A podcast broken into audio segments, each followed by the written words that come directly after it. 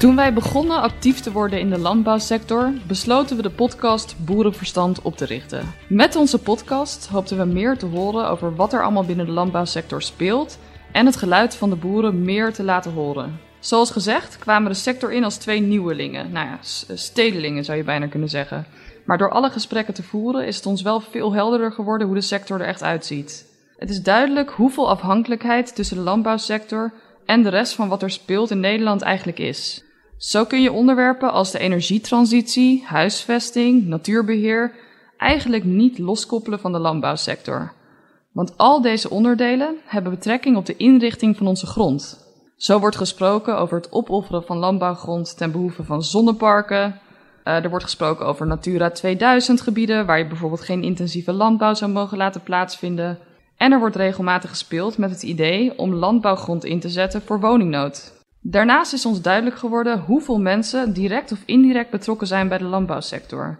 In ons gesprek met Caroline van der Plas gaf ze aan dat iedere boer 10 mensen in Nederland aan het werk houdt. Nou, wij begonnen daarover na te denken en beseften toen hoe groot de totale keten eigenlijk is in Nederland. Hè? Want je hebt natuurlijk niet alleen maar de boeren, maar ook iedereen die de boer aan het werk houdt en wie ervoor zorgt dat het product uiteindelijk in de schappen komt. Er zijn 50.000 boeren in Nederland. Nou, het is duidelijk wat voor omvang de landbouwsector heeft en hoeveel mensen de sector eigenlijk raakt. Van oudsher is er heel veel geïnvesteerd in de landbouwsector van Nederland. In ons gesprek met Hendrik Jan ten Katen gaf hij al aan dat er na de Tweede Wereldoorlog een sterke focus lag op schaalvergroting en specialisatie. Zelfredzaamheid in voedselvoorziening was heel belangrijk na de hongerwinter. Hier zijn boeren dus ook in gestimuleerd door de overheid. Nou, dat heeft ervoor gezorgd dat Nederland internationaal gezien een koploper is in efficiënte en hoogwaardige landbouw. En dat er een compleet ecosysteem omheen is, eh, opgetogen. Hendrik Jan noemde de OVO-drieluik als grote drijver voor de landbouwontwikkeling. Onderzoek, voorlichting en onderwijs. Denk aan de kennisinstituten, universiteiten, onderzoeken, logistiek, adviseurs en meer. In ons gesprek met René Bal uit Kwadedamme werd duidelijk hoe belangrijk onze positie in Nederland eigenlijk is als het gaat om appels en peren. René is ook adviseur bij Delphi, een landbouwadviesgroep, die kennis brengt naar landen over de hele wereld. En daar is sterke behoefte aan, kan ik je vertellen. En mede dankzij ons succes in de landbouw zijn we als land welvarender geworden. En hierdoor is voedselzekerheid vanzelfsprekend geworden. En is er meer aandacht voor onderwerpen als duurzaamheid, dierenwelzijn en natuur gekomen. De landbouw wordt als een van de onderdelen genoemd waar verandering in moet komen. In ons gesprek met Caroline van der Plas van BBB gaf zij aan dat de landbouw consumentenbehoeften moet volgen. Dus bijvoorbeeld als de consument bereid is meer te betalen voor biologisch voedsel, dan zal de landbouw hier meer in gaan investeren. Wij zien zelf echter al wel dat veel boeren zelf al bezig zijn met het veranderen van hun bedrijfsvoering, om proactief gehoor te geven aan de wensen van de samenleving. In ons gesprek met Cor Perik van het Centraal Bureau voor Statistiek gaf hij aan dat hij twee sporen van landbouw ziet. 1. Grootschalige landbouw, een gefocuste landbouw voor export. En 2. Kleinschalige productie voor lokale consumptie. Cor benoemde dat het opgeven van grootschalige landbouw voor export een gat in onze begroting zou opleveren. Bijvoorbeeld het halveren van de veestapel leidt tot een gat van 5 miljard euro. Voor kleinschalige landbouw is er wel plaats volgens Cor, maar daarbij moet rekening gehouden worden of het type bedrijfsvoering past bij het gebied. Er rusten nog veel vragen. Vooral dingen als hoe groot moet die grootschalige landbouw precies zijn? Wat doen we met de bedrijven die moeten verdwijnen volgens dit model? En wat komt er voor in plaats om het gat te vullen? Ja, en voor die kleinschalige landbouw voor lokale consumptie zijn wel heel veel boeren tegengekomen die hier op hun eigen manier invulling aan geven. We hebben hier ook al een aantal trends in geïdentificeerd. Zo lijkt er bijvoorbeeld een beweging te zijn naar het verkorten van de keten. Oftewel, zo direct mogelijk leveren aan de consument. In ons gesprek met Sven Wiegelo vertelde hij ons over zijn concept Appeltje-eitje, waarin hij dagverse eieren en fruit levert aan consumenten in vijf locaties in Nederland via een soort automatiek concept, een soort snackbar. Ook Freek van Leeuwen, de kaasboer uit Leidschendam. maakt hoge kwaliteit kaas die hij verkoopt via zijn eigen kaaswinkel op zijn boerderij.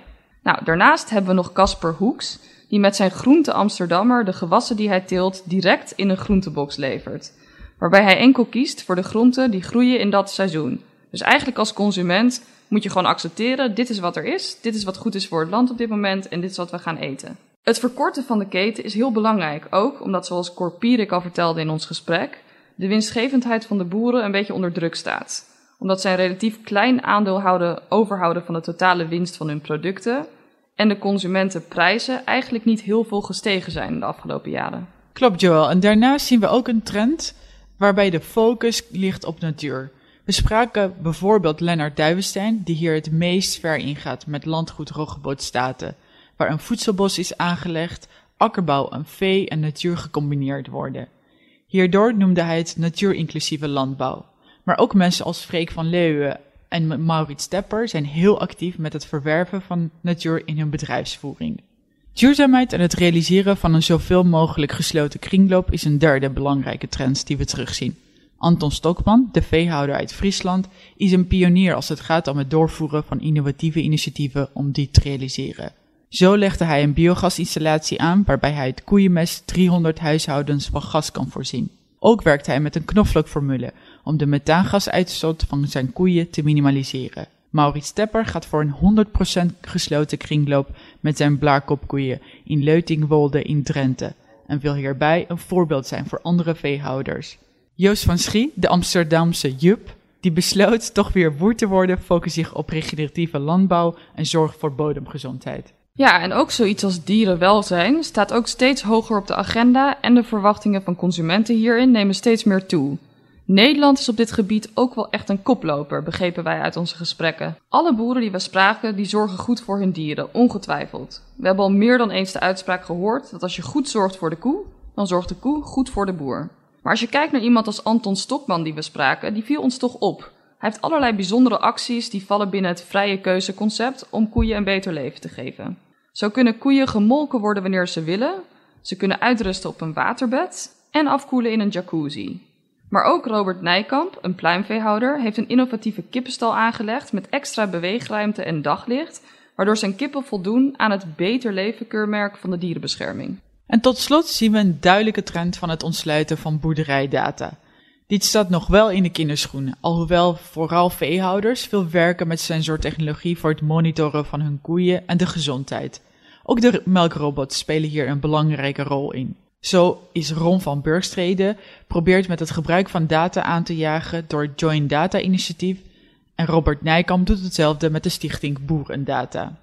Wij willen onze groep van luisteraars heel erg bedanken voor jullie aanmoedigingen en aanbevelingen voor sprekers. Wij vinden het heel leuk om met jullie in contact te blijven, dus blijf dit vooral doen. Wij nemen jullie suggesties ter harte. In de volgende podcast gaan wij naar de toekomst kijken en geven jullie een inkijken in waar de Boerenverstand podcast naartoe gaat. Veel luisterplezier.